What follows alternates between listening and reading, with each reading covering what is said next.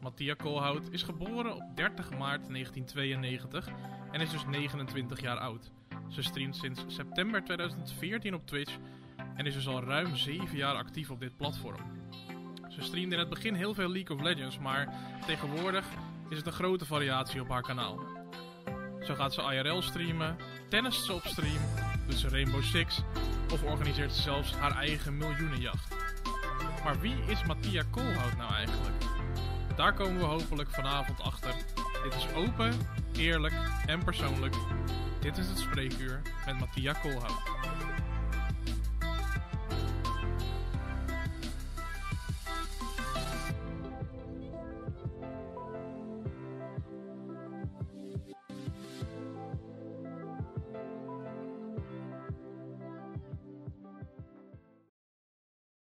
Ja, welkom allemaal bij de vijfde aflevering van Het Spreekuur. Als het is vandaag Mattia. Mattia, goedenavond. Goedenavond. Ik, uh, ik vind het altijd spannend, uh, want uh, ik laat dit introfilmpje nooit van tevoren zien. Dus ik ben altijd... of je clip ja. voorbij hebt zien komen waarvan je zei, nou... nee hoor, waren allemaal wel leuk. Ik heb het allemaal zelf online gezet. Nee, ik was wel... Ik zat wel te kijken dat ik af en toe een paar clips gewoon vergeten was.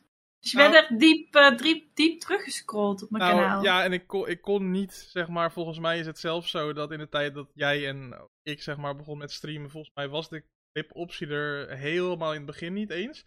Want helemaal vanuit jouw beginperiode nee. kon ik helemaal kon ik geen clipjes meer vinden. Dus ik heb zeg maar elke keer weer de datum een maandje opgeschoven tot ik het aller, alleroudste clipje kon vinden. Oh, uh, ja, ook bij YouTube staat nog een uh, filmpje oh, dat daar... ik de fiddlesticks dans doe. Oh ja, oh dat clipje, dat clipje ken ik nog wel, ja, op dat filmpje. Ja. mooi, mooi. Maar dat mooi. was gewoon een, ja, dat was niet via de, het was niet clippen. Dan kon je wel highlights en dan uploaden naar YouTube. Oh ja, precies, Twitch. precies, ja.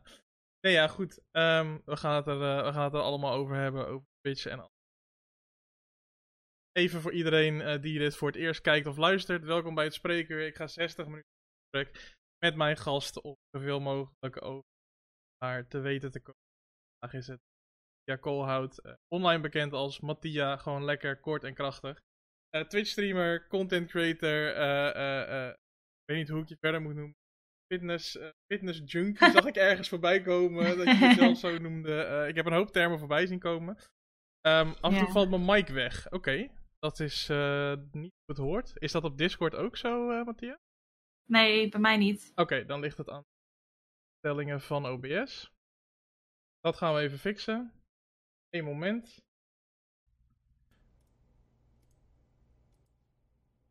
Uh, dat zou dan nu een stuk beter moeten zijn, hopelijk.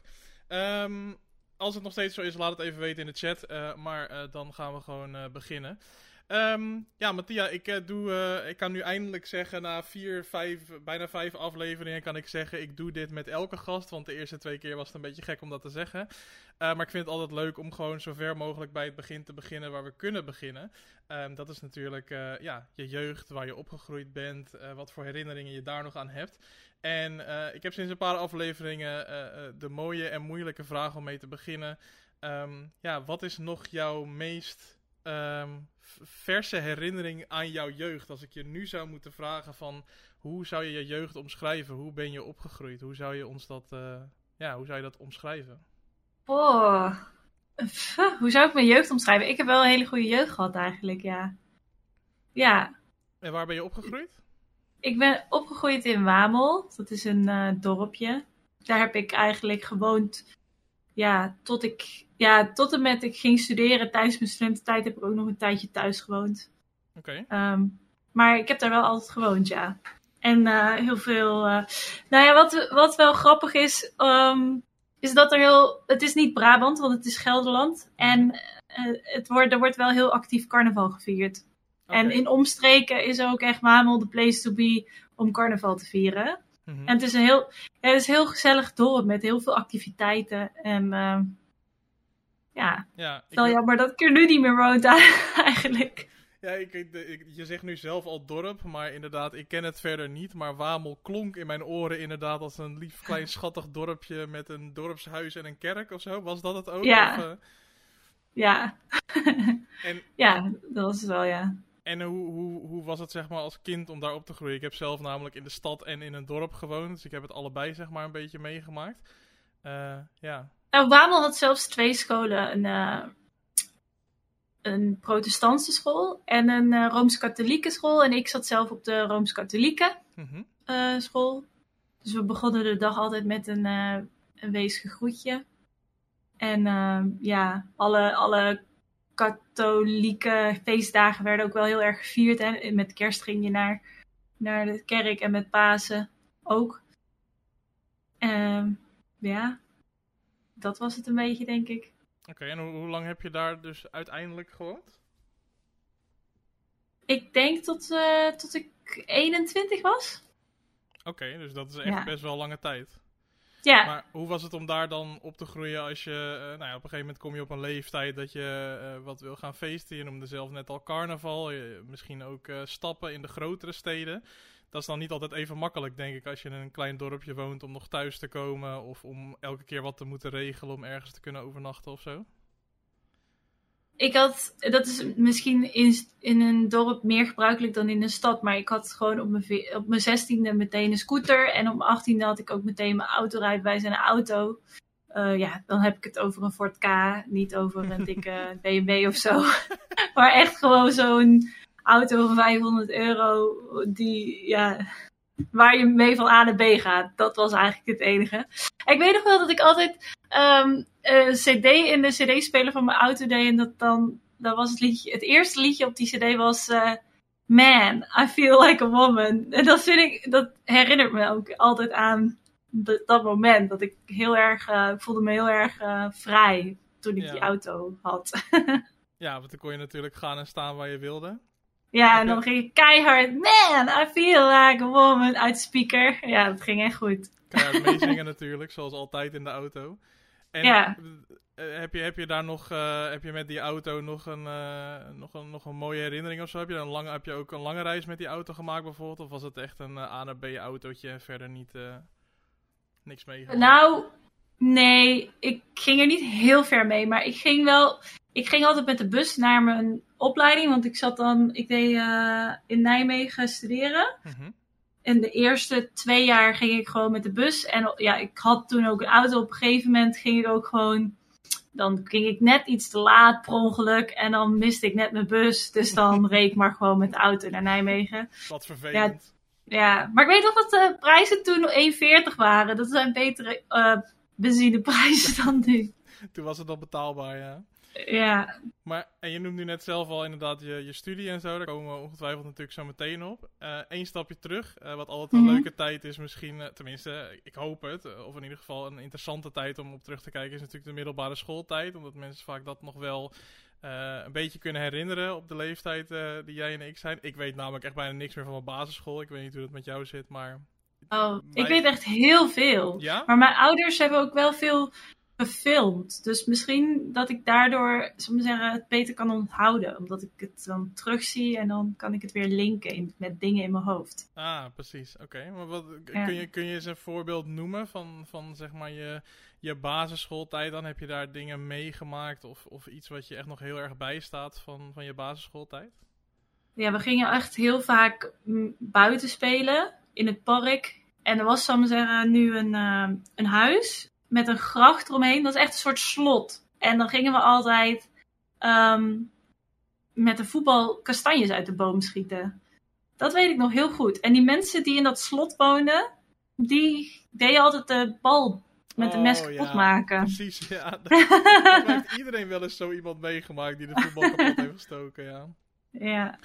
Oké, en toen, nou ja, goed. En dan, zoals ik al zei, de, de middelbare school uiteindelijk. Daar begin je natuurlijk ook een beetje als persoon eh, te ontwikkelen. En, en ook misschien in wat je, wat je later wil gaan doen.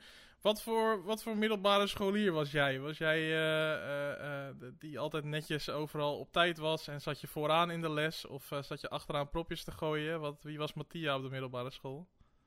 Ik eh, heb HAVO gedaan en ehm, ik had altijd alle beta-vakken, dus eh, natuur- en techniek profiel, eh, met biologie erbij en muziek.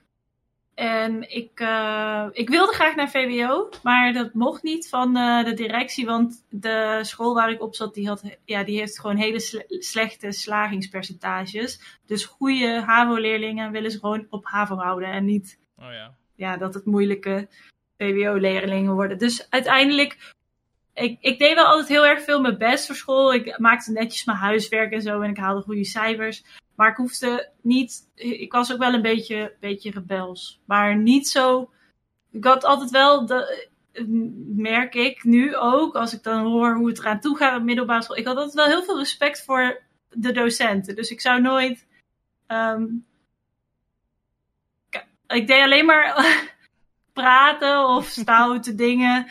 Als het een beetje kon, weet je wel. Dat, dat ja, Oké, stoute dingen, nou wil, wil ik een voorbeeld ja. natuurlijk.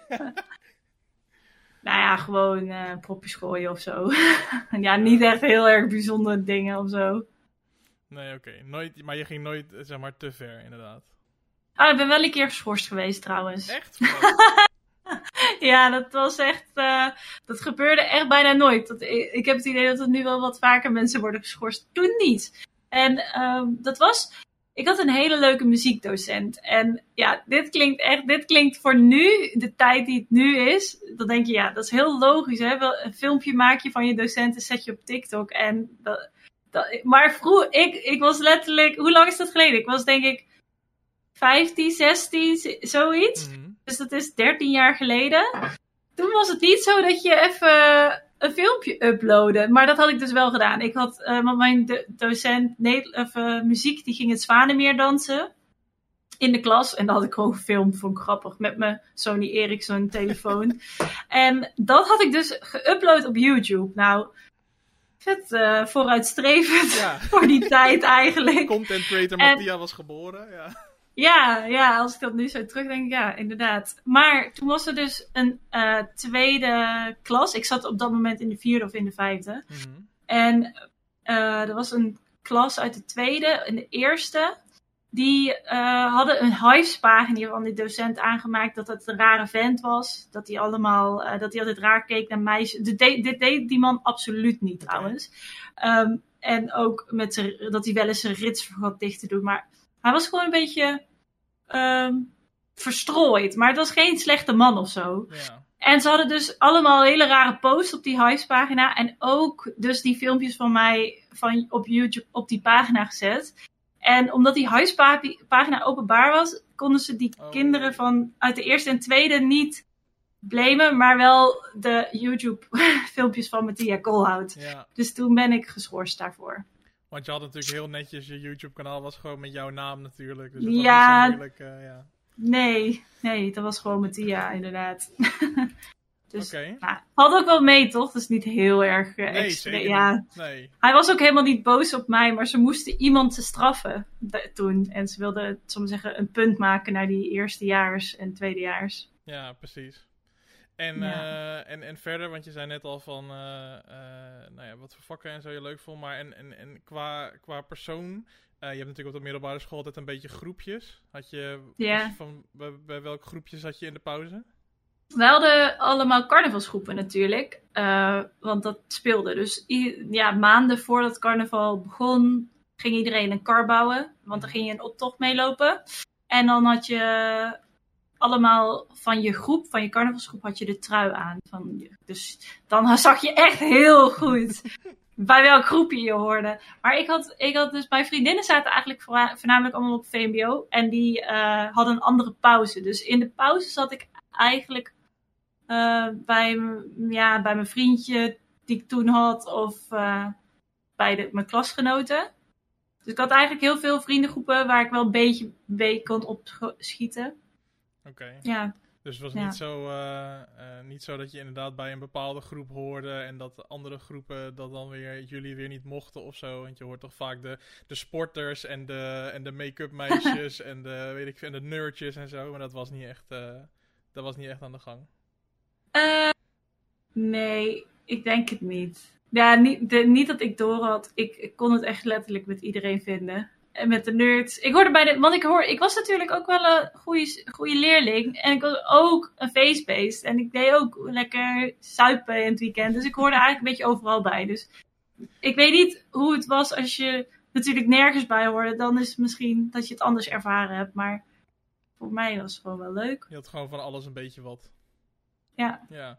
En je had, ik droeg natuurlijk wel die, die carnavalstrui met, van Niet te Moeilijk, zo heette onze carnavalsgroep. Die, uh, die droeg ik wel vol trots. Dus als ik dan bij een groep hoorde, was het wel die groep. Ja, oké. en uh, uh, nou, het, het, woord nerd is, is al gevallen. Was je op de, rond de middelbare schooltijd ook al druk bezig met gamen? Of viel dat mee? Sims deed ik toen. Maar tijdens middelbare school heb ik niet veel gegamed. Ik denk, ja, als ik nu terugdenk, dan kan ik dat, dat heb, ja. Ik deed heel veel, mine, uh, niet Minecraft, mijnenveger op MSN. Met, oh, ja. uh, met gamers, met jongens.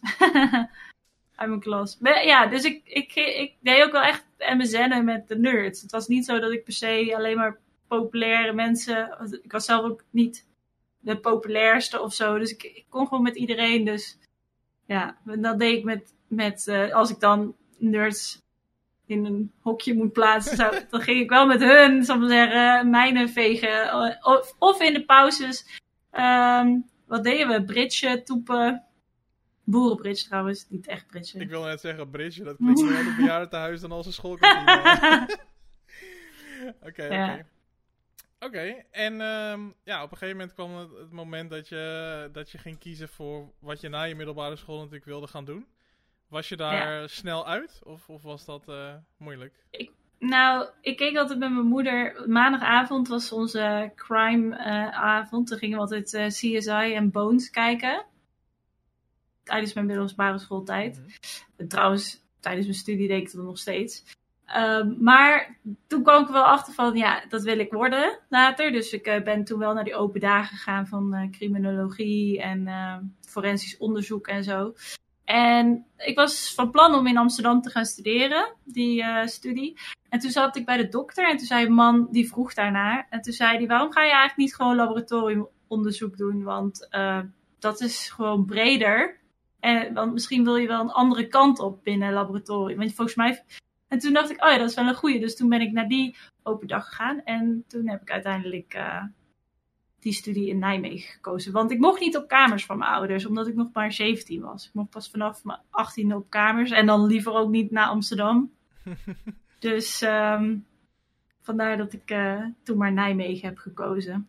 Oké, okay, maar je, je, je, mocht niet op kamers, als in van dat vonden ze dan niet fijn of zo? Of wat was dan? Nee, ze vonden pas dat ik vanaf mijn achttiende dat eigenlijk mocht. Het liefst pas vanaf mijn 21ste. Ze hebben dat wel een beetje tegengehouden. Ja? ja. Maar en je bent uiteindelijk ook pas op je 21ste gegaan dus? Ja, want in Nijmegen was het nog. Ja, ik vond het ook wel fijn om eerst gewoon te kijken of die studie wat voor me was. Voordat ik echt daar naartoe verhuisde. Mm -hmm. Dus sowieso had ik het idee. Op HBO gingen niet heel zoveel mensen op, op kamers toen de tijd. Dat was echt meer een universiteit dingetje, denk ik. Ja. Tenminste, dat idee had ik. Want bij mijn klas zat ook echt mm, één iemand maar op kamers of zo. Van iedereen die. Uh, ja, dat is toch uh, twintig leerlingen of uh, studenten. Ja. Oké, okay, dus, je, dus, vond het, je, je vond het ook niet per se heel vervelend, van wat je nog kan herinneren toen de tijd dat je niet op kamers mocht of kon? Nee, ja, af en toe krijg ik nu van die herinneringen van tien jaar geleden op Facebook. Dat ik zeur over thuiswonen, maar, maar dat, dat was dan dat ik dan één ruzie had met mijn moeder. En dan, oh, ja. wie heeft nog kamer in Nijmegen? Ja, ja, Dat heeft volgens mij iedereen wel eens een keer gedaan nadat hij ruzie met zijn ouders had. Ik wil weg hier. ja. En dan toch Klinkt weer... voor iedereen herkenbaar. Toch weer blij zijn als je was is gedaan en het avondeten klaar staat. En, uh... Ja. En wat, hoe, hoe, hoe was jij dan thuis als je, uh, nou ja, tot, tot je 21ste thuis hebt gewoond? Was je, was je type dat mee ging helpen of uh, was het hotelmama? Het was echt hotelmama. Ik heb ook um, vier, vijf jaar geleden nog even een half jaar thuis gewoond. En het was weer hotelmama. Mijn moeder wil ook gewoon echt niet. Ze zei dat laatst nog tegen mij. Want Nicky zegt, ja, Mattia die is niet zo opruimerig. Zei mijn moeder daar, ja, het is ook, dat is ook mijn schuld. Want ik deed ook gewoon altijd. En jullie mochten ook gewoon niks doen. We, mogen niet eens, we mochten niet eens de tafel afruimen, weet je wel. Dat wilde Mhm. mijn moeder gewoon zelf doen. Dus ja, nee. Nou ja, als ze het had gevraagd, had ik wel gedaan, denk ik. Maar Maar het mocht Het- niet. nee, het mocht niet. Zij wou het allemaal doen. Maar is dat iets, waar- is dat iets waarvan je zegt van dat dat heeft ook. eh, eh, het, het klinkt bijna een beetje alsof je ook met het niet, nog niet uit huis eh, op jezelf mogen gaan wonen. En dan met dit erbij, waren je ouders heel beschermend? Of, of hoe moet ik dat zien? Ja, mijn vader zei ook, vanaf het moment dat jij geboren was, heb ik nooit meer geen zorgen gehad. Oh. Schijnbaar is dat heftiger bij meisjes of zo. Want hij, ze hebben ook een zoon, maar ik heb gewoon een broer. Maar Ja. daar hadden ze dat toch minder bij dan bij mij. Ja, Oké, heb je dat- goed. Ja, voor, voor, er zijn vast wel momenten geweest. Je zei net al natuurlijk het moment dat je dan op Facebook zet wie, eh, bij wie kan ik wonen. Maar zijn er, kan je je meer momenten herinneren van dat je dat misschien ook wel eens lastig vond? Heb je het daar ook wel eens over gehad met je ouders? Dat je het misschien overdreven vond of zo? Of vond je dat toen wel best? Ja, ik weet nog wel dat ik af en toe... eh, ik, was, ik was best wel... eh, op mijn veertiende wilde ik al gaan stappen in Nijmegen. Ja, nu kun je dat niet voorstellen, maar... Nou ja, ja. Dat, ja, dat wilde ik wel. En ehm, dan mocht dat niet. En dan snapte ik dat niet. Ja, nu denk ik ook, hè, ik zou dat ook nooit eh, goedgekeurd hebben als moeder zijnde. Maar ja, dus heb, ik heb wel brieven geschreven waarin ik het uitlegde. En meestal kwam ik wel gewoon, was ik zo boos. En dan was ik klaar met boos zijn. En dan was het ook goed. Dan had ik al geen zin meer of zo. Om, waar ik boos over was, deed er dan al niet meer toe. Nee, precies. Dus uiteindelijk hebben mijn ouders toch altijd gewoon gelijk gehad of zo. Ja.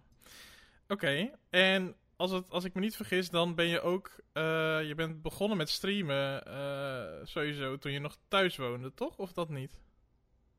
Nou, nee, niet? ja. Ja, ik heb, ben- klopt. Maar ik, ik heb mijn st- eerst die ja, studie in Nijmegen, die duurde vier jaar. En in mijn derde jaar, ik ben in mijn derde jaar, nee, mijn tweede jaar denk ik naar Nijmegen verhuisd. Mhm. In het derde jaar ging ik mijn minor doen en eh pre-master in Wageningen. Toen ben ik in mijn derde jaar dus daarheen verhuisd. Omdat ik daar, en dat liep ik ook stage, dus alles ging naar Wageningen. Dus toen ben ik naar Wageningen verhuisd. Mhm. En toen heb ik daar mijn master gedaan. En in mijn- die master duurde twee jaar, geloof ik. Maar daar heb ik tweeënhalf jaar over gedaan. En in mijn tweede jaar ben ik begonnen met streamen. Tijdens mijn master. Ja, ik was... ehm, ik was... eh, mijn vader kreeg eh, de diagnose dat hij ziek was. Mhm. Eh, en toen kon ik me niet meer concentreren op mijn studie. En toen heb ik drie maanden mijn studie op pauze gezet. Ja. En toen ben ik maar gewoon een beetje gaan gamen. Ik ben toen begonnen met League of Legends in die tijd. En op een gegeven moment zag ik... mijn ex keek altijd naar zo'n paarse website. Dat, en dus ik dacht, daar wil ik ook eens een keer kijken. En zo kwam ik op Twitch terecht toen de tijd. En uiteindelijk na die drie maanden ben ik weer begonnen met studeren. Ver, of weer verder opgepakt. En toen, dacht, toen merkte ik dat ik... ehm, ja, dat, dat mijn vader ziek was en dat ik dat alleen maar in het weekend zag en niet door de week. Dat vond Mhm. ik te veel he- te heftig. Dus toen hadden mijn ex en ik besloten om samen bij mijn ouders te gaan wonen. Want Wamel en Wageningen, dat is ook niet zo heel ver uit elkaar. Dat was ook wel te reizen. Ja, precies. Oké. Ehm, nou ja, ja je, je eh, begint er nu zelf over. Was uiteraard een onderwerp waar we eh, enerzijds of anderzijds op gekomen waren. Eh, de, de, je vader werd ziek. Kun je daar iets meer over vertellen? Want er zullen ongetwijfeld ook mensen dit luisteren of kijken die jou misschien niet kennen en het verhaal dus niet kennen. Ja, mijn vader die kreeg, dat is nu bijna acht jaar geleden, ehm, de ziekte van Kaler. Of ja, misschien had hij het al langer, maar toen werd het eh, ontdekt bij hem.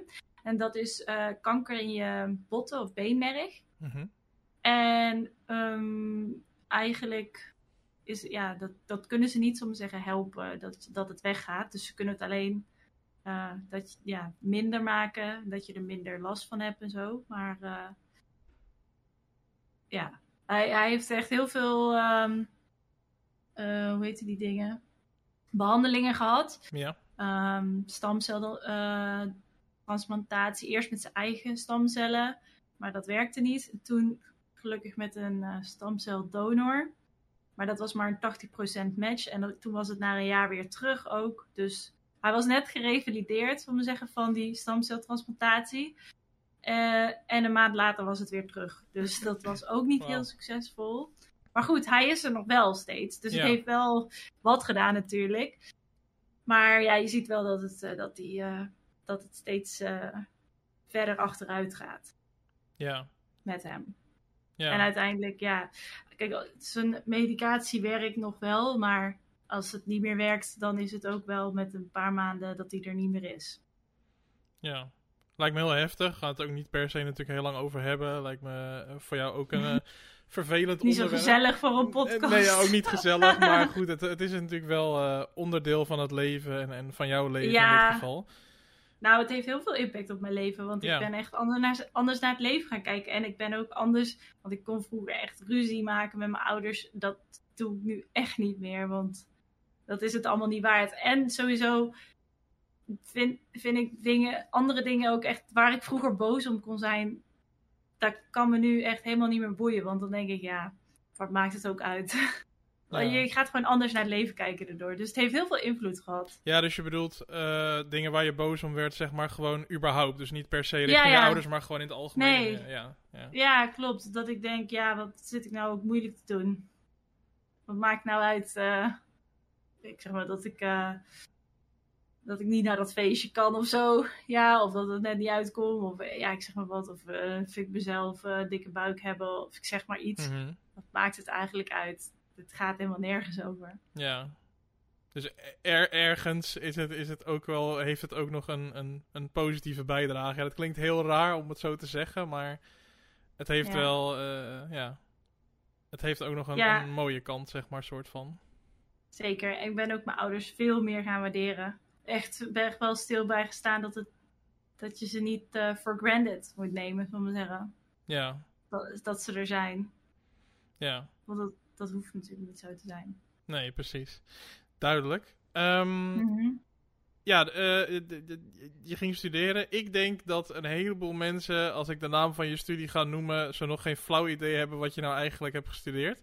Dus ik zou je de mogelijkheid willen geven om in Jip en Janneke taal een klein beetje uit te leggen wat je nou eigenlijk precies hebt gestudeerd.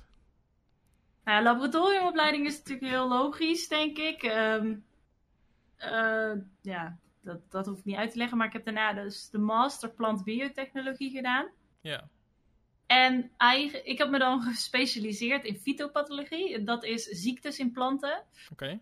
Uh, en uh, ja, je moet het eigenlijk... Ik zeg dit altijd als voorbeeld als mensen vragen wat ik dan precies deed. Uh, ik was heel erg bezig op DNA-niveau van planten. Dus als je een veld met aardappel, een aardappelgewas hebt en er komt een virus coronavirus of zo. Mhm. En die pakt die, die, ja, die, die gaat die plant aanvallen en ze zijn allemaal, uh, gaan ze dood. Maar de ene gaat wat sneller dood dan de andere. Uh, of de ene heeft toch nog een beetje, dat hij nog wel een beetje kan groeien.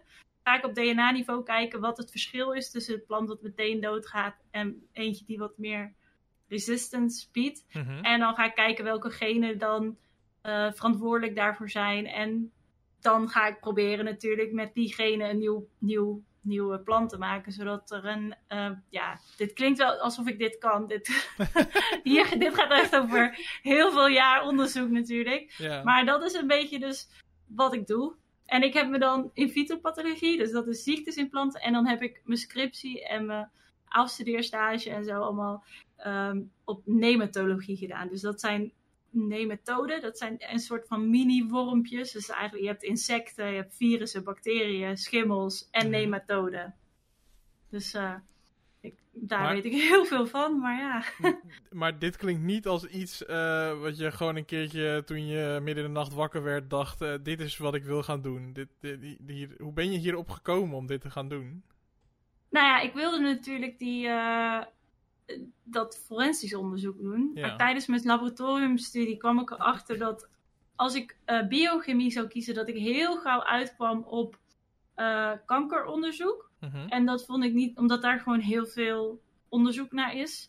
En dat vond ik gewoon, ik vond gewoon mensen en dieren niet zo interessant. En planten wel, want je kunt, zal ik zeggen, een plant als je gaat kruisen met planten, planten dat gaat wat makkelijker dan met mensen aangezien. uh, ja, je kunt gewoon een, een, een, een, gewas hebben en dan de offspring kan je gewoon weer terugkruisen met de papa en mama. Terwijl, ja, dat gaat natuurlijk bij mensen iets... Uh, ja, lastiger.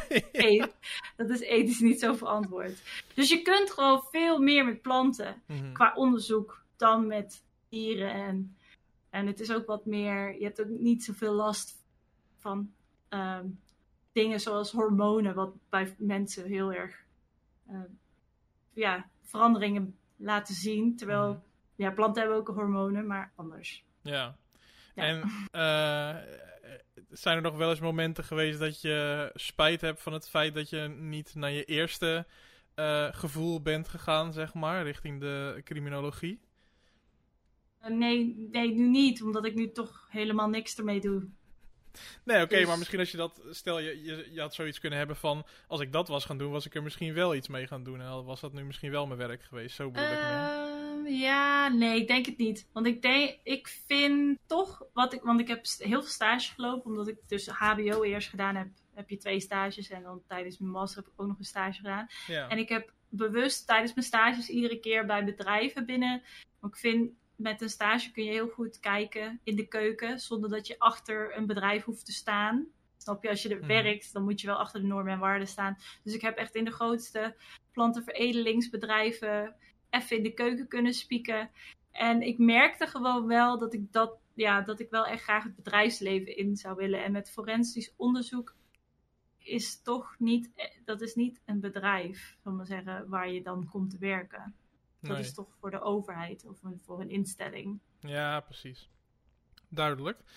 hey, en ik las ergens, en je moet me zeker verbeteren als het eh, niet zo is, dat je op de dag dat je je masterdiploma haalde, dat je toen ook je partnership voor Twitch eh, kreeg. Ja. En ehm, ja, sorry, ik zoek altijd dingen op als ik mensen te gast heb in deze show. Dus ik kan je gewoon citeren dat je zei: Ik was blijer met mijn partnership op Twitch dan met mijn diploma. Ja, ik was helemaal klaar met mijn studie. Ik had echt geen zin meer om te studeren. Ik, kijk, ik vond mijn studie wel leuk, hè. Maar ik had gewoon geen zin meer in. En, ik, en het streamen, streamen ging heel goed. Dus Mhm. ik wilde gewoon lekker streamen de hele dag. En niet fulltime... ehm, ja, fulltime studeren en dan een beetje Ja. streamen erbij. Maar dan, dan zou je toch juist heel blij moeten zijn met je diploma, omdat je er dan vanaf was. Ja, weet niet. Misschien omdat... eh, ja, weet niet. Ik weet niet waarom.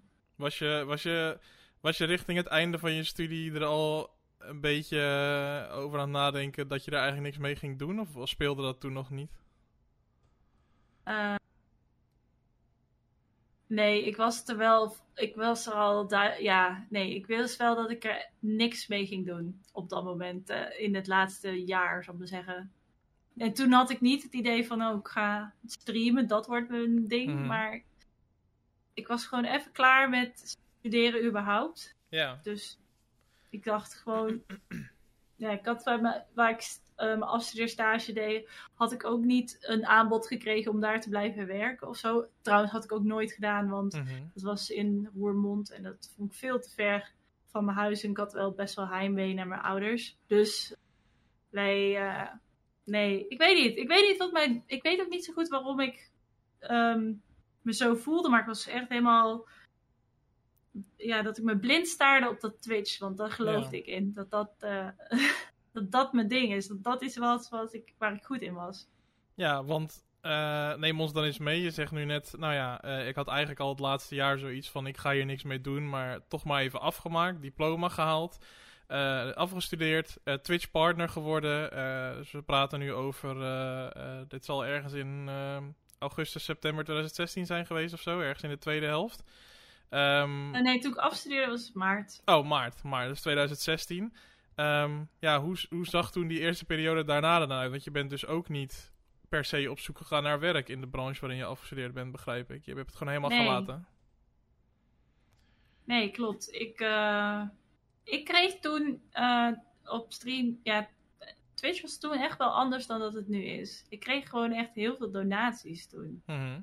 Dat is, eh, dat kun je je nu niet voorstellen, maar ik denk dat ik wel toen nou 2000 euro aan, aan donaties kreeg per maand. Misschien wel soms wel meer. Ja. En toen, eh, volgens mij ben ik die zomer al op mezelf gaan wonen met- samen met mijn ex dan in. Culemborg. Ik weet niet of het die zomer is of die daarna, maar ik denk die zomer, ja.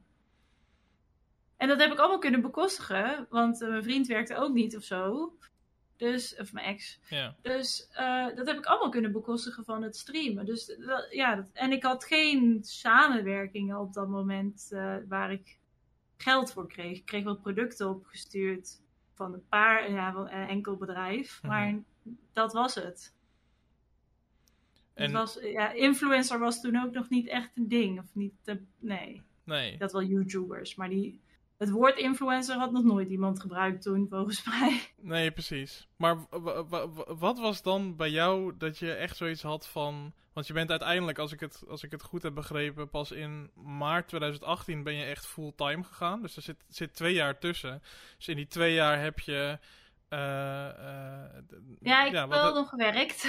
Nee, ja, tuurlijk. Nee, dat snap ik.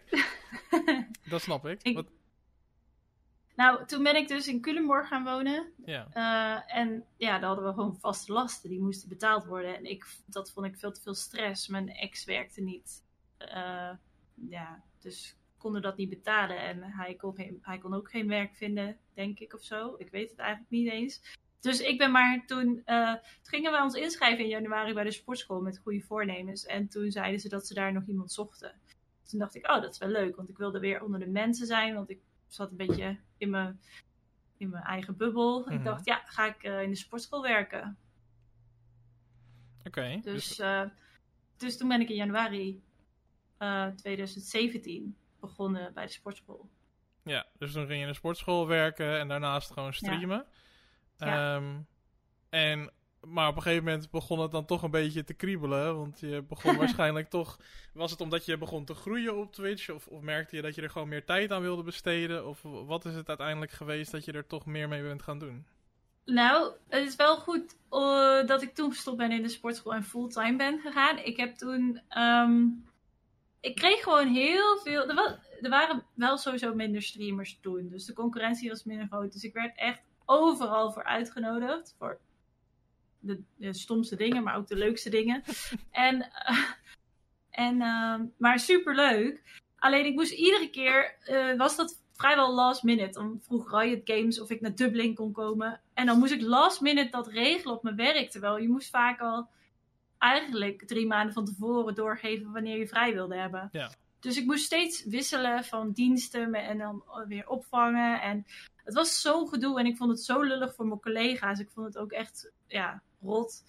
En ehm, het motiveerde mij ook niet dat ik heel hard werkte in de sportschool. En dat ik, hoe- maakte niet uit of ik hard werkte of me uit mijn neus had te vreten. Op het eind van het liedje kreeg ik gewoon evenveel geld op mijn rekening. Dat vond ik Mhm. stom. Ik dacht, als je hard werkt, dan moet je meer krijgen. maar zo werkt dat niet. Als je voor een baas werkt. Dus die twee dingen samen lieten mij besluiten dat ik dacht, nee, ik ga dat fulltime gewoon proberen. En toen heb ik alle bedrijven die, waar ik ooit voor mee had kennis gemaakt, of al een, al een beetje mee heb samengewerkt, had ik gewoon gemaild van, joh, per 1 maart ga ik fulltime. En ik zoek mensen die met me samen willen werken. Wie wil.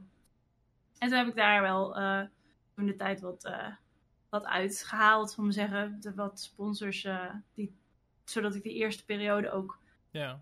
door kon gaan. En ik had voor mezelf ook een deadline gezet van over zes, ik ga het zes maanden proberen en dan heb ik het geprobeerd en misschien ga ik keihard op mijn bek, maar dan heb ik dat ook. Hè, dan kan ik dat in ieder geval laten zeggen van ik heb het geprobeerd en het was niet gelukt. Mhm. Maar ik dacht, ik wil ook realistisch zijn. Als het zes maanden niet lukt, dan ga ik gewoon iets in mijn studie zoeken. Werk waar ik voor gestudeerd heb. Oké. En het lukte. En het lukte, ja. Gelukkig. En nou, dat jaar, dus het 2018 was dat, heb ik denk ik zoveel gereisd. Ik ben, ik ben echt precies op tijd eh, gestopt bij de sportschool. Want ik had nooit al die reisjes kunnen maken. Ik denk dat ik wel twintig keer gevlogen heb dat jaar. Naar een lancering van een nieuwe muis van Logitech. En dan weer naar een evenement van zus. En dan weer een nieuwe game release van dat. Het was, ja, gigantisch druk. Ja. Eh, heb je wel eens, heb je toen de tijd wel eens een moment gehad van wat, wat gebeurt er eigenlijk? Ik kan me best voorstellen dat je, je, nou ja, je streamde al wel, maar inderdaad, je kreeg dan wel wat donaties en af en toe grote donaties. Maar het was nog steeds een paar avonden of een paar dagen in de week. Toen ben je fulltime gegaan. En toen kreeg je ook nog eens inderdaad allemaal dit soort tripjes en dingen aangeboden. En uh, misschien waarschijnlijk ook weer wat meer spullen misschien van bedrijven. Uh, zijn er momenten geweest dat je dacht van, wat, wat, wat gebeurt hier eigenlijk, zeg maar? Wat, uh, of of ben, je daar, ben je daar misschien te nuchter voor? En heb je zoiets van, nou ja, ik, ik werk er hard voor, dus het is bijna logisch dat dit allemaal gebeurt.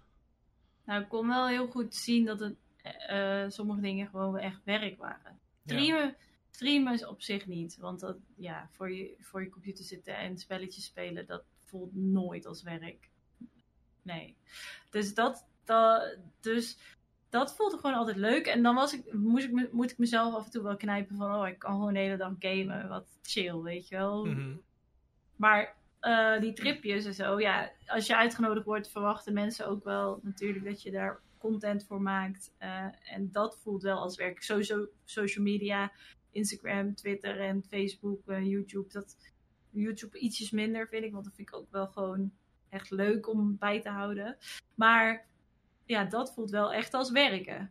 Ja. En het voelt als werken. Het is ook natuurlijk gewoon werken. Maar dat, dat, dat heeft dat kan ik nu zeggen in 2021, maar toen had ik dat niet door. Ik dacht alleen maar vet leuk. Uh, ik, was veel, ik was veel te enthousiast en blij met alles. Ja.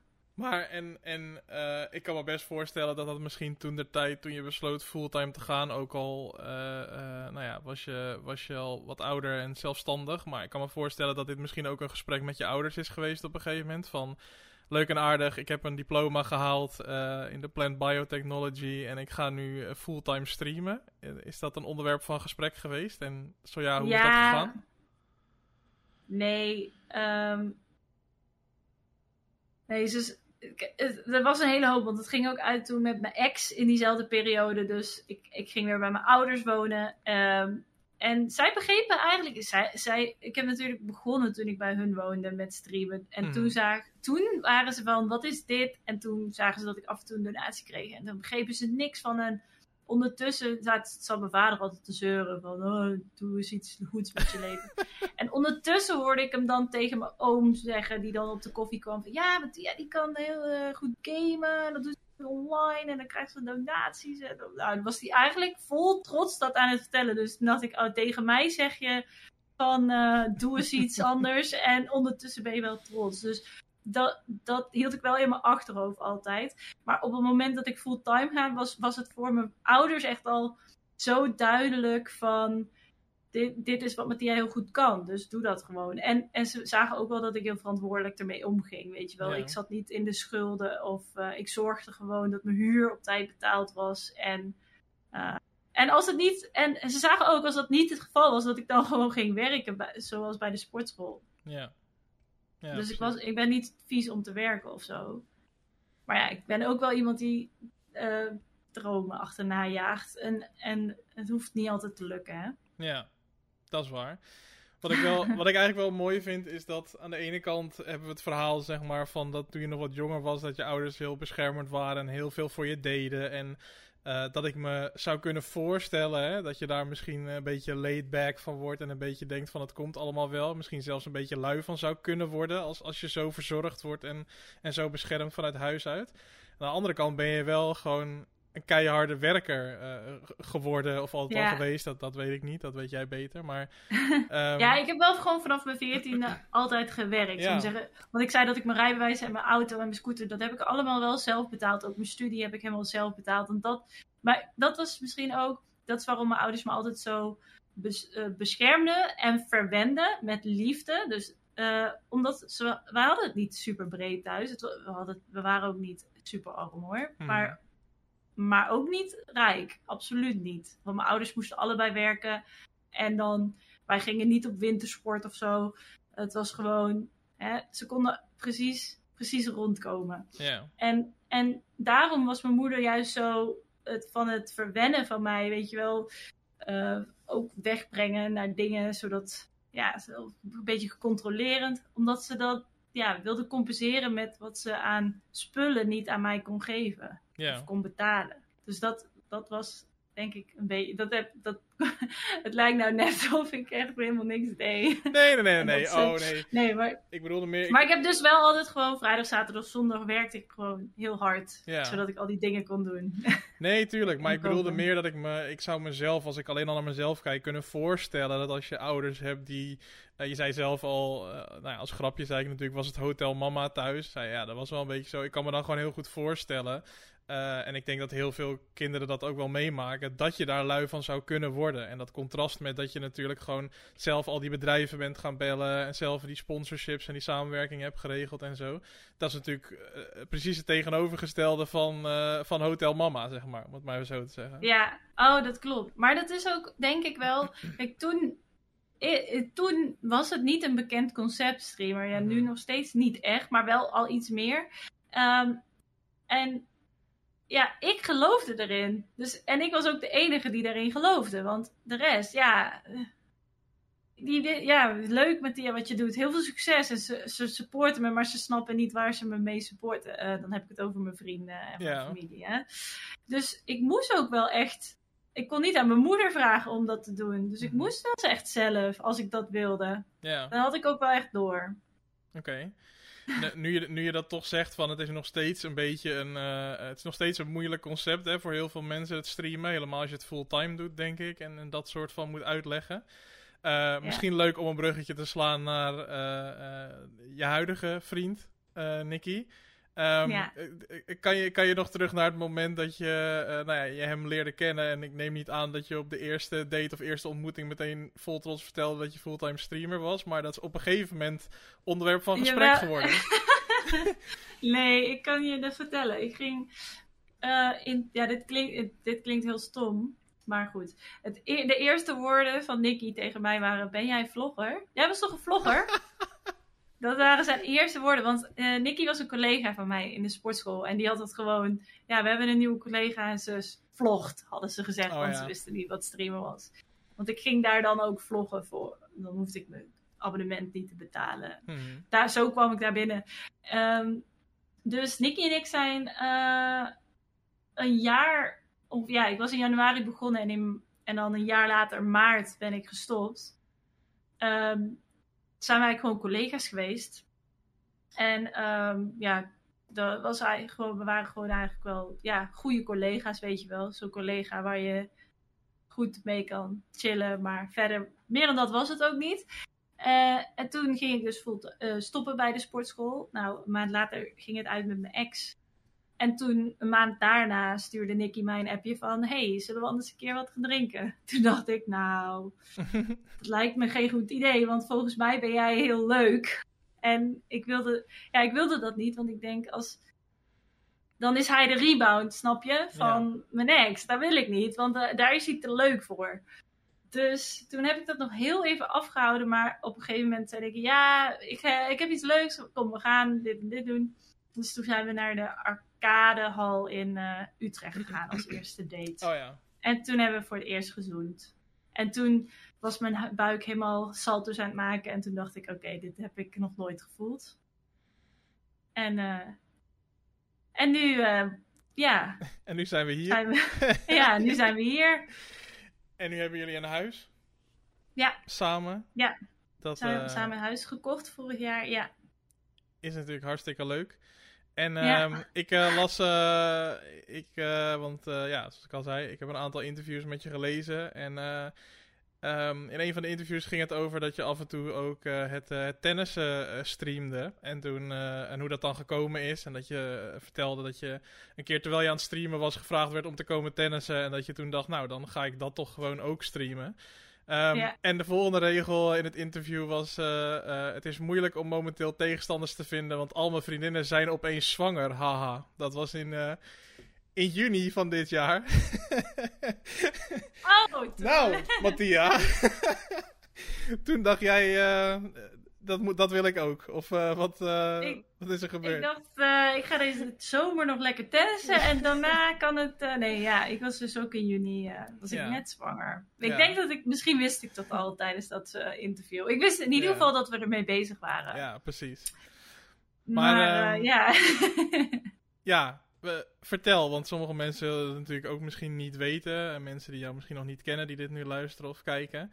Hoe, hoe, hoe gaat het? Eh, oh, eerst maar even beginnen. Hoeveel maanden ben je nu? Want dat weet ik eigenlijk ook niet precies. Eh, ja, ze zeggen het altijd in weken, hè, Oh, bij zwangerschap. Oh, sorry. maar eh, ik ben precies vandaag 25 weken zwanger. Dus eh, ja, zes maanden ongeveer. Ja, Ja, een half jaar. Dus in maart verwachten we haar. Het is een meisje, ja. wat in mijn buik aan het groeien is. En hoe gaat het? Het gaat goed. De eerste 16 weken ben ik heel misselijk geweest. Dus toen ging het niet goed. Toen dacht ik ook echt, ik snap niet waarom mensen twee kinderen nemen. Want dan moeten ze hier twee keer doorheen. maar dat sinds de 16 weken voorbij zijn en ik niet meer misselijk ben, vind ik het heel leuk. En mijn buik groeit. En eh, ik voel er ook al vanaf de 19 weken echt iedere dag heel veel schoppen. Ze is super actief. Ja, Dus eh, dat is ook wel echt heel bijzonder. En het gaat allemaal goed, ze groeit goed. Ze is helemaal gemiddeld, dus oké. Fijn om te horen. Ehm, Ja. En, en eh, besef je zelf al een beetje eh, wat voor verandering dat zeg maar gaat worden uiteindelijk? Want eh, hoe je het ook went of keert, dat wordt het natuurlijk wel. ja, ik, ik vind het moeilijk, want je kunt wel wat bedenken, maar dat is echt het last. Het super moeilijk als je een kindje verwacht, want ja, het kan een heel makkelijk kind worden. En dan kan het heel makkelijk te combineren zijn met streamen. Mhm. en werken überhaupt. Ja. Maar ja, als jij eh, iedere nacht niet slaapt of bijna niet en, je, en het huilt heel veel, ja, ik weet het niet. Ik durf er ook niks over te zeggen, maar als we uitgaan van dat het gewoon een beetje oké gaat, en dan verwacht ik dat het ook heel goed kan combineren met streamen. Het is natuurlijk super fijn dat ik gewoon thuis werk. Mhm. Misschien moet ik dan, ja, nu door de corona kan sowieso geen eh, tripjes en zo. Maar misschien Nee. dat ik iets minder tripjes kan doen. Vooral in het begin. Want dan moet ik de baby gewoon voeden natuurlijk. Ja, precies. Dus dat, eh, eh, ja, dat is natuurlijk iets waar je, wel, eh, waar je natuurlijk al wel over na hebt gedacht. Maar iedereen die nu kijkt en luistert en fan van jou is, die eh, hoeft niet eh, te vrezen dat je eh, gaat stoppen Nee. of eh, wat dan ook. Dat, eh, Nou ja, ik ga wel natuurlijk eh, twee maanden met verlof. Ja. Dus ik ben wel twee maanden offline. En ik weet niet wat dat gaat doen voor mijn kanaal. Het kan zijn dat dan iedereen nieuwe streamers heeft gevonden. En dat is ook goed. Ja. Eh, dat is ook helemaal niet erg. Dus we zien het wel. En ik ga na die twee maanden verlof ga ik gewoon weer vanaf nul beginnen. En dan Mhm. zien we wel. En dan geef ik mezelf weer een half jaar. En als het dan, als, hè, als ik niet meer eh, ben wat ik nu ben, zal ik maar zeggen, mhm. dan eh, ga ik gewoon een baantje zoeken. Ja. Vind je, het, vind je het spannend? Want je, je, ik vind je, dat heb je altijd een beetje, tenminste vind ik als persoon. Ik vind je gewoon lekker, je bent lekker nuchter en lekker van het komt allemaal wel goed. Maar vind je het spannend om twee weken of om twee maanden dan weg te zijn en dan weer terug te komen?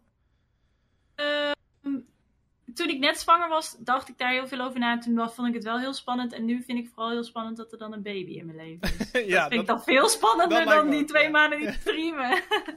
maar ik snap wel je vraag. Eh, ja, nee, ja, nee. Ik, ook hoe dichter we daarbij komen, ik, eh, ja, ik kan ook niks veranderen of zo daaraan of zo. Dus ja, dat is waar. ik kan er ook wel over stressen, maar dat heeft helemaal geen nut. Dus ik eh, laat het gewoon allemaal.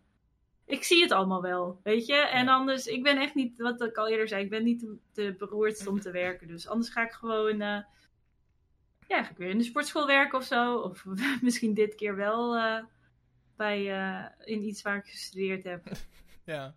Want zou dat nu zeg maar kunnen? Kan jij zeg maar met, met je diploma wat je gehaald hebt qua hoeveel jaar dat geleden is, kan je daar nu zeg maar meteen voor de dag komen? Of? Ja, ik weet niet zo goed hoe de werkgelegenheid is binnen dat, die branche. Daar heb ik me nog helemaal niet in verdiept. Ja. Maar ik moet sowieso eh opfriscursus doen of Nou ja. iets zo niet. Maar uiteindelijk gaat het om een bepaald denkniveau en dat je bepaalde technieken hebt geleerd tijdens je studie. Hè, voor in het lab. Mhm. En, en eh, ik heb echt, ik was helemaal doodgegooid met PCR-test en de techniek van de PCR-test. Dus nou, dat Nou. Is heel veel, wordt nog heel veel gebruikt. Dus het is niet een outdated ding of zo. Dus op zich eh, weet. zit daar, daar zit sowieso nog werk in. Dus eh, ja, ik denk het wel. Mattia over een half jaar in het OMT. Of uh, bij, Ja. Jinek aan tafel als eh, expert. PCR-test-expert. ja, wie weet. Ja. Nou ja, dat zou wel eerder iets zijn wat ik zou doen. Dan dus als verantwoord... eh, hoe zeg je dat? Eh, Woordvoerder. een, ja, van een eh plantverenigingsbedrijf Oh ja. of van een of ander laboratoriumbedrijf. Dat zou denk ik nu eerder bij me passen, omdat ik eh, toch wel jaren aan ehm, ja, nou, presentatie, maar ook gewoon spreken ja. eh, aan ervaring heb. Dus dat zou misschien dan eerder binnen een bedrijf bij mij passen dan dat ik nog echt diep het onderzoek in ga. Want daar, daar ben ik gewoon wel echt een hele lange tijd uit. ja, duidelijk. Vertegenwoordiger, ja. Dat. Vertegenwoordiger, misschien is dat wel. Ja, dat Ja. is een beter woord inderdaad. Ja. We eh, gaan zo'n beetje richting het einde. En eh, nou ja, als we het natuurlijk dan net hebben gehad over het feit dat je, eh, dat je in verwachting bent, eh, vind ik het nog wel even leuk om het erover te hebben. We hebben het, vrij, vrij lang over je ouders gehad en over hoe zij jou opgevoed hebben, hoe je jeugd is geweest. Dan is het natuurlijk ook niet meer dan logisch dat ik benieuwd ben naar. Heb jij al een beetje een beeld van in hoeverre dat kan? Want ik snap dat heel veel dingen natuurlijk niet van tevoren te voorspellen zijn. Maar heb je een beetje in je hoofd wat voor opvoeding jij eh, jouw dochter in dit geval mee wil geven en wat je meeneemt van wat jouw ouders bij jou gedaan hebben? Ja, ik denk dat ik letterlijk kopie van mijn ouders word qua opvoeding. Ehm, ja, dat denk ik echt. En wat, wat mij heel erg bijgebleven is, is dat ik altijd... Ik mocht altijd mezelf zijn. Mijn vader is ook, eh, die zat ook bij de toneelvereniging, is een hele goede toneelspeler. Vind ik, als dochter. Oh. Eh, maar dat is wel iets wat ik ook zou stimuleren bij, me, bij, me, bij mijn dochter dan. Ehm, ja, gewoon wel die gekke kant die niet onderdrukken. Dat, dat, eh, dat merk ik wel, dat vond ik altijd heel goed bij mijn ouders. Ik mocht altijd zo gek doen als ik wilde. En als ik, ik stond altijd op te treden ehm, in de woonkamer. En dan, hè, dan gingen ze ook echt meedoen, kijken. En dus eh, dat zou ik ook wel echt aan mijn dochter meegeven. Van eh, lekker gek doen. Gewoon niks boeien wat eh, mensen van je vinden. Gewoon op de pak je een moment in de woonkamer en ga even dat dansje doen. En iedereen moet kijken die erbij is. Ja, Precies. maar dat is niet, ja, dat is niet echt opvoeding. eh. En mag ze Ja. voor de 21ste uit huis? Nee, ze mag nooit uit huis. en ze mag ook nooit jongens mee naar huis nemen. nee, dat zeker niet. Nee, nee. En ze mag zeker niet gamen trouwens. Dat is wel. Nee, ik ga wel heel streng zijn daarop. Ja? Ehm, ja, ik ga dat wel. eh, ik, ik heb dat toch wel bij mezelf ook gezien. eh, Tijdens mijn studie dan, in die periode dat ik even mijn studie op stop had gezet. Toen heb ik Mhm. zoveel gegamed. En ook daarvoor en daarna. Dat was echt. Het is dat ik uiteindelijk streamer ben geworden. Maar anders had ik echt wel een soort van gameverslaving. Nou, misschien is dat een beetje dramatisch. Maar ja, ik zou dat wel. Ze mag heus wel gamen trouwens, maar ze mag niet eh, zoveel gamen als ik deed. ze gaan maar lekker met de Barbie spelen of een hobby zoeken, maar niet, niet zoveel gamen. ik, zal, Erg hè? ik zal zorgen dat tegen de tijd dat ze in staat is om podcasts te luisteren, dat deze offline wordt gehaald. eh, dat het niet tegen je gebruikt kan worden. Ja. Nee, Nee, maar ja, ja, nee. Maar zit dan nee, maar ook met social media. Ik, ik wil ook eh, tot ze, volgens mij mag je pas op je dertiende op social media. Mhm. Dat ga ik ook echt, echt doen. Eh, dat ze daarvoor, ja, ik weet niet of dat kan in die tijd. Hè, waar ze natuurlijk, Ja. een nieuw andere tijd waar ze ingaan. Maar nee, als ik, ik ga er ook zelf niet delen op mijn social media of zo. Jawel, dat geboren is, één keer een foto. Maar Ja. daarna niet meer. Ehm, ja, nee, daar, ik ben wel me heel bewust van het online. En ehm, daar wil ik er wel echt voor behoeden of zo. Maar dat klinkt bijna alsof je er. Het klinkt bijna alsof je er ook voor jezelf een beetje eh, eh, op je hoede bent van dat je ook wel zoiets hebt van hier moet ik ook wel een keer mee stoppen. Of, of dit is misschien niet zeg maar. Het klinkt bijna alsof je het Ehm, bij jezelf ook een beetje te veel vindt. Nou, nee, ik vind. ehm, ik, vind ik vind gewoon ehm, dat je echt wel een bepaalde leeftijd moet bereikt hebben om eh, goede beslissingen kunt nemen wat jij online van jezelf zet. Mhm. Dus daar, daar meer. En ik heb natuurlijk ook heel veel ehm, gekke mensen. Kijk, ik heb heel veel lieve mensen eh, in mijn community. Maar er zitten ook heel veel gekken in mijn DM, weet je wel. En dan denk ik, ja, die zitten ook in de DM van mijn dochter dan. Ja. Eh, dus da dat is het beetje wat ik, waar ik dan bang voor ben. En kijk, je blij, ook al eh, heb je hele lieve mensen, zijn er altijd haters. En Mhm. het kan me echt geen donder schelen wat haters over mij zeggen. Al zeggen ze, ja, maakt me echt niet uit. Maar zodra ze iets over Nicky zouden zeggen of over mijn dochter, ja, dat, dat, dat vind ik gewoon te erg. Dus da- daar, wil ik, dat wil, daar wil ik mezelf van behoeden. Ik wil ook die haters niet de, de resources geven om mij daarop, eh ja, mij daarmee te kwetsen of zo. Ja. Maar gaat dit dusdanig ver dat je zoiets hebt van zelfs als ze een leeftijd bereikt waarop ze nou, het zelf kan beslissen, zo laten we zeggen 18 of zo. En zegt Mhm. van, eh, nou dat, eh, dat streamen en zo wat jij doet en dat eh, elke dag fotootje op Instagram en zo, dat wil ik eigenlijk ook wel gaan doen. Ben jij dan van, nou, laten we het daar nog even goed over hebben of zo? Of zeg je dan, nou, als jij dat wil, nou, meid, dan... nee, tuurlijk. Als ze dat wilde, maar dan zou ik er wel bij helpen. Want ik, ja, ik hoop dat ik tegen die tijd nog, dat ik niet zo van de oude stempel ben dat ik er niet, dat ik dat niet begrijp. Ik ga wel proberen om dan een beetje mee te gaan. Maar ja, als zij besluit op de 18e ik wil OnlyFans, ja, dan wil ze OnlyFans. Ik kan daar niet zoveel aan veranderen. Ja, ik noem even iets extreems, hè? Nee, ja, precies. Nee, maar dat is natuurlijk wel een, het is wel een redelijk eh, actueel Maar voorbeeld. wel, ja, maar dat is dus iets wat eigenlijk vind ik vanaf 21ste. Maar goed, daar, dat Ja, zien we dan wel. Dat zien we wel. Je hebt nog wel even wat jaar om daarover na te denken. En ik kijk, ik ben denk ik nog, ik ben nog de schappelijke van eh de ouders hoor. Want Ja? mijn vriend, ja, die gaat echt niet zeggen, oh als je OnlyFans wilt, nou doe maar lekker meid. Nee. nee, nee, nee. nee. Ik denk dat die erop sluit in de kelder of zo, die we niet eens hebben. Dat moet je nagaan. Ja, wordt Nicky de vader die eh, aan tafel zit als een vriendje thuis komt en dat hij zegt, kom maar Ja. eerst even hier zitten. Ja. Dus dat Ja, en als het, als het Nicky niet is, dan is het mijn vader of zijn vader ook of mijn nog, broer. ook nog. Weet je wel, dus zij, zij krijgt het echt Ze zwaar. het heel zwaar, ja. ja. Ja. Maar ze krijgen het vast ook ontzettend leuk. Dus dat, eh, Ja, dat komt vast helemaal goed. Ehm Mattia, ik wil je ontzettend erg bedanken dat je te gast wilde zijn. Eh, de tijd eh, zit er helaas zo goed als op. Ehm, Ja. Zoals altijd met dit soort gesprekken. Ja, we hadden nog eh, tien andere dingen kunnen bespreken. En we hadden het over sommige dingen langer kunnen hebben. Maar eh, dit is nou eenmaal wat het is. Ehm, en eh, voordat we online gingen, fluisterde je mij in dat je heel erg moe bent. Dus dat je ook snel naar bed wil. Dus ik denk dat het goed is dat we na een uur klaar zijn. Ehm, ik vind het heel fijn dat je alsnog te gast wilde zijn. Want de eerste keer kon helaas niet doorgaan. Dus superleuk dat je alsnog in het eerste seizoen tijd kon maken. Ehm, dus dank daarvoor. Ehm, Ja, ik wil jou, heel leuk. dat is heel mooi om te horen. Ik wil jou alvast even vragen of je in je eh, Twitch-lijst zou willen kijken of je een suggestie hebt die we kunnen gaan hosten.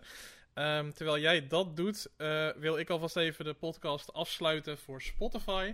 Dus als je dit nou aan het luisteren bent via Spotify ehm, of terugkijkt eh, via YouTube, dan wil ik je heel erg bedanken voor het luisteren en voor het kijken dit keer naar deze aflevering, deze vijfde aflevering van het Spreekuur. Ehm, en zoals altijd maak ik aan het einde van de aflevering bekend eh, wie onze volgende gast is. In dit geval is de volgende aflevering volgende week. Ehm, eh, en dat is dus om precies te zijn op. eh, ik moet even spieken. Dat is 1 oktober. Zeg, eh 1 oktober, 1 december natuurlijk. Ehm, en dan heb ik denk ik. ja, de datum staat goed. De ene laatste aflevering van dit seizoen is op 1 december met Paper TV, Twitch streamer. En eh, eh, dat is eh, volgende week woensdag, dus op 1 december. En dan hebben we nog op 15 december de laatste aflevering van dit seizoen met iemand die ik geprobeerd heb onherkenbaar te maken. Maar een hoop mensen op social media die hadden het al goed geraden. Ehm, maar in ieder geval bedankt voor het luisteren. Hopelijk tot volgende week bij de aflevering met Paper. En anders tot een volgende keer bij Het Spreker. Bedankt.